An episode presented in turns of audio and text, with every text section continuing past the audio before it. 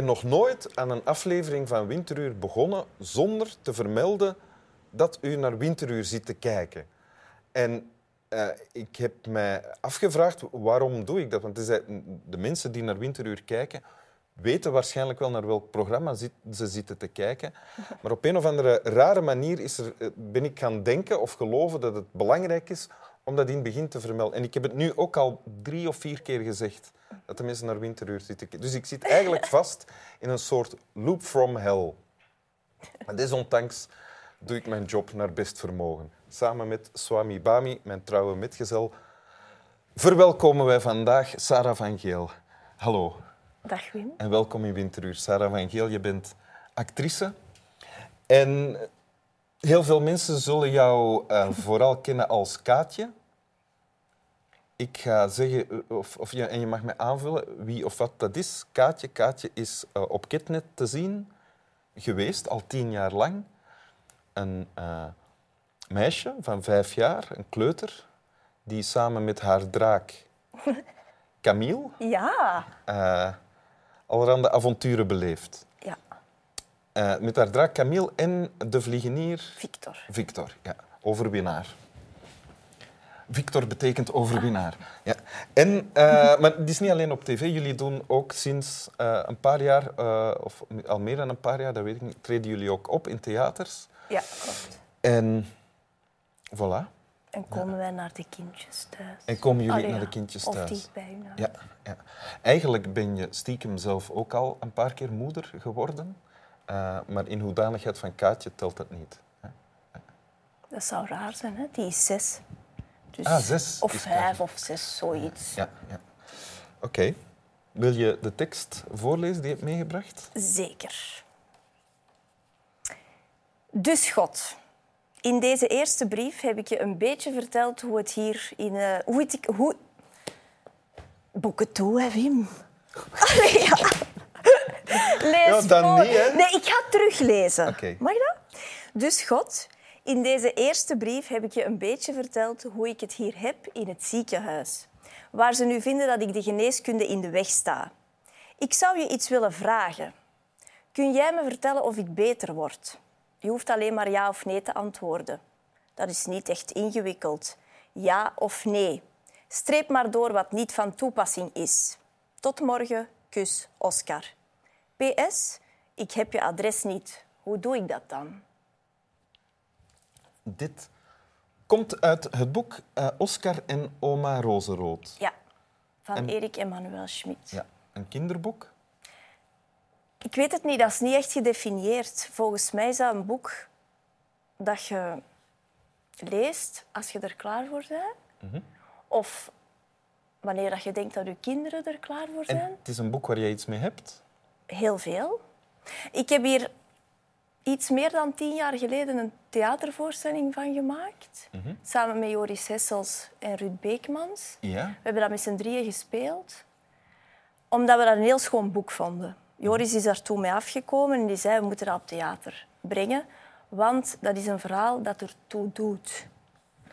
En dat was misschien de eerste keer dat ik een voorstelling gemaakt heb over iets ja, dat van belang was. Dat ergens over gaat. Dat belangrijk is dat dat verteld wordt voor kinderen. Namelijk? Dat boek gaat over Oscar. En Oscar is ongeneeslijk ziek. Die heeft kanker mm -hmm. en die ligt in het ziekenhuis. En dat boek is opgebouwd uit twaalf brieven aan God. En dat zijn eigenlijk de twaalf laatste dagen van zijn leven. Dus op het einde sterft Oscar. Dat is zijn laatste brief dan, ja. En, uh, en dus dit is een stuk uit een van die brieven? Dit is het einde van de eerste brief. En wat staat hier? In die eerste brief vertelt hem... Zie, dit is mijn situatie. Ik lig in het ziekenhuis. Het mooie daaraan is dat je onmiddellijk vanuit het standpunt van Oscar gaat kijken. Want alles is vanuit zijn standpunt verteld. Waardoor dat als volwassene je op een ander niveau leest natuurlijk. In de zin dat bijvoorbeeld... Hij zegt op een bepaald moment... Um, ik sta de geneeskunde in de weg. Of, dat zegt hij hier in deze ja, brief. Wat bedoelt hij daarmee? Hij bedoelt, sinds mijn beenmergtransplantatie mislukt is, geloven ze niet meer in mij. Of doen ze, kunnen ze het niet meer opbrengen om vriendelijk te zijn tegen mij. Dus hij, hij gaat dat zo vertalen. Hij ervaart het alsof hij een probleem is voor Ja. de geneeskunde, de dokters, het ziekenhuis Ja. en het verplegend personeel. Zo. Ja, ze moeten echt hun best doen om te lachen met mijn moppen. Alleen zo. Voordien ging het allemaal vanzelf. Sinds die operatie mislukt is, heb ik het gevoel... En hij vraagt zich hier af, dat vraagt hij dan aan God, of hij beter zal worden of niet. Ja, en dat komt omdat er een personage is in het boek. Het belangrijkste personage naast Oscar is Mami Ro- eh, oma Rozerood. Ja? En oma Rozerood die is een, eigenlijk een soort van vrijwilligster in het ziekenhuis. En die gaat bij hem, die gaat bij hem op bez- bezoek om te babbelen. Om, en die probeert zich echt in te leven in zijn hoofd. En probeert aan te voelen wat heeft dat kind nodig om die rit van dat leven te kunnen uitzitten. Ja. En dat is een prachtig personage. En zij is heel gelovig. En zij zegt, weet je wat je moet doen, Oscar? Schrijf eens een brief naar God. En weet je, één ding per dag. Je mocht één ding per dag vragen. Ah, ja. Eén wens mogen doen. En is Oscar zelf gelovig grootgebracht of, is dat voor hem een nieuw concept dan, die God? Ja, dat is een nieuw concept. Ah, ja. En zij zegt, ik geloof niet in de kerstman, maar ik geloof wel in God. En dan zegt hij in dat boek van, ja, en als zij dat zegt op die manier, op die toon, dan moet ik, dan moet ik het tenminste proberen om Ja. hem een brief te schrijven. Ja, ja. Dus ja, en stilletjes aan, verder in dat boek voelde dan van... Ja, dat hem begint te geloven en, en, en dingen kwijt kan daaraan. Het gaat daarover, hè. Ja. Die, die, die figuur van Mami Roos, die zoekt echt naar... Hoe kun jij al uw bezonjes, al uw moeilijke dingen waar je niet over kunt praten... Hoe kun je dat toch Uiten. Ja, een Ja. vorm geven? Zo- Ja. Zoeken naar... Om het bespreekbaar te maken, omdat zij voelt, hij heeft daar nood aan. En waarom, waarom, je vertelt het met veel passie. Waarom heb je dit gekozen? Ik denk dat dat sinds dat we dat gedaan hebben op theater, en ook wel natuurlijk veel kinderen zijn tegengekomen die dat voor hebben, die kwamen ook vaak kijken. En je ontmoet die dan. Ja. Ook als kaartje, dat is een andere kant van... De Hoe bedoel je ook als kaartje? Het kaartje is in eerste instantie natuurlijk gewoon eh, een lollig figuurtje op tv. Maar daarnaast zijn er natuurlijk in de werkelijkheid kinderen die in het ziekenhuis liggen, heel veel tv kijken. En ik krijg vaak brieven van mensen van wilde En dan komt Kaatje op bezoek bij die kinderen. Ja, ik doe dat, ja. Omdat ik dat belangrijk vind. Omdat ik dat ongelooflijk vind dat die mij toelaten ook in die hun leven op dat moment. Hoe is dat dan? Wat doe je dan? Want je zit dan in een rol. Ja. Soms lig ik op de grond met blokken te spelen.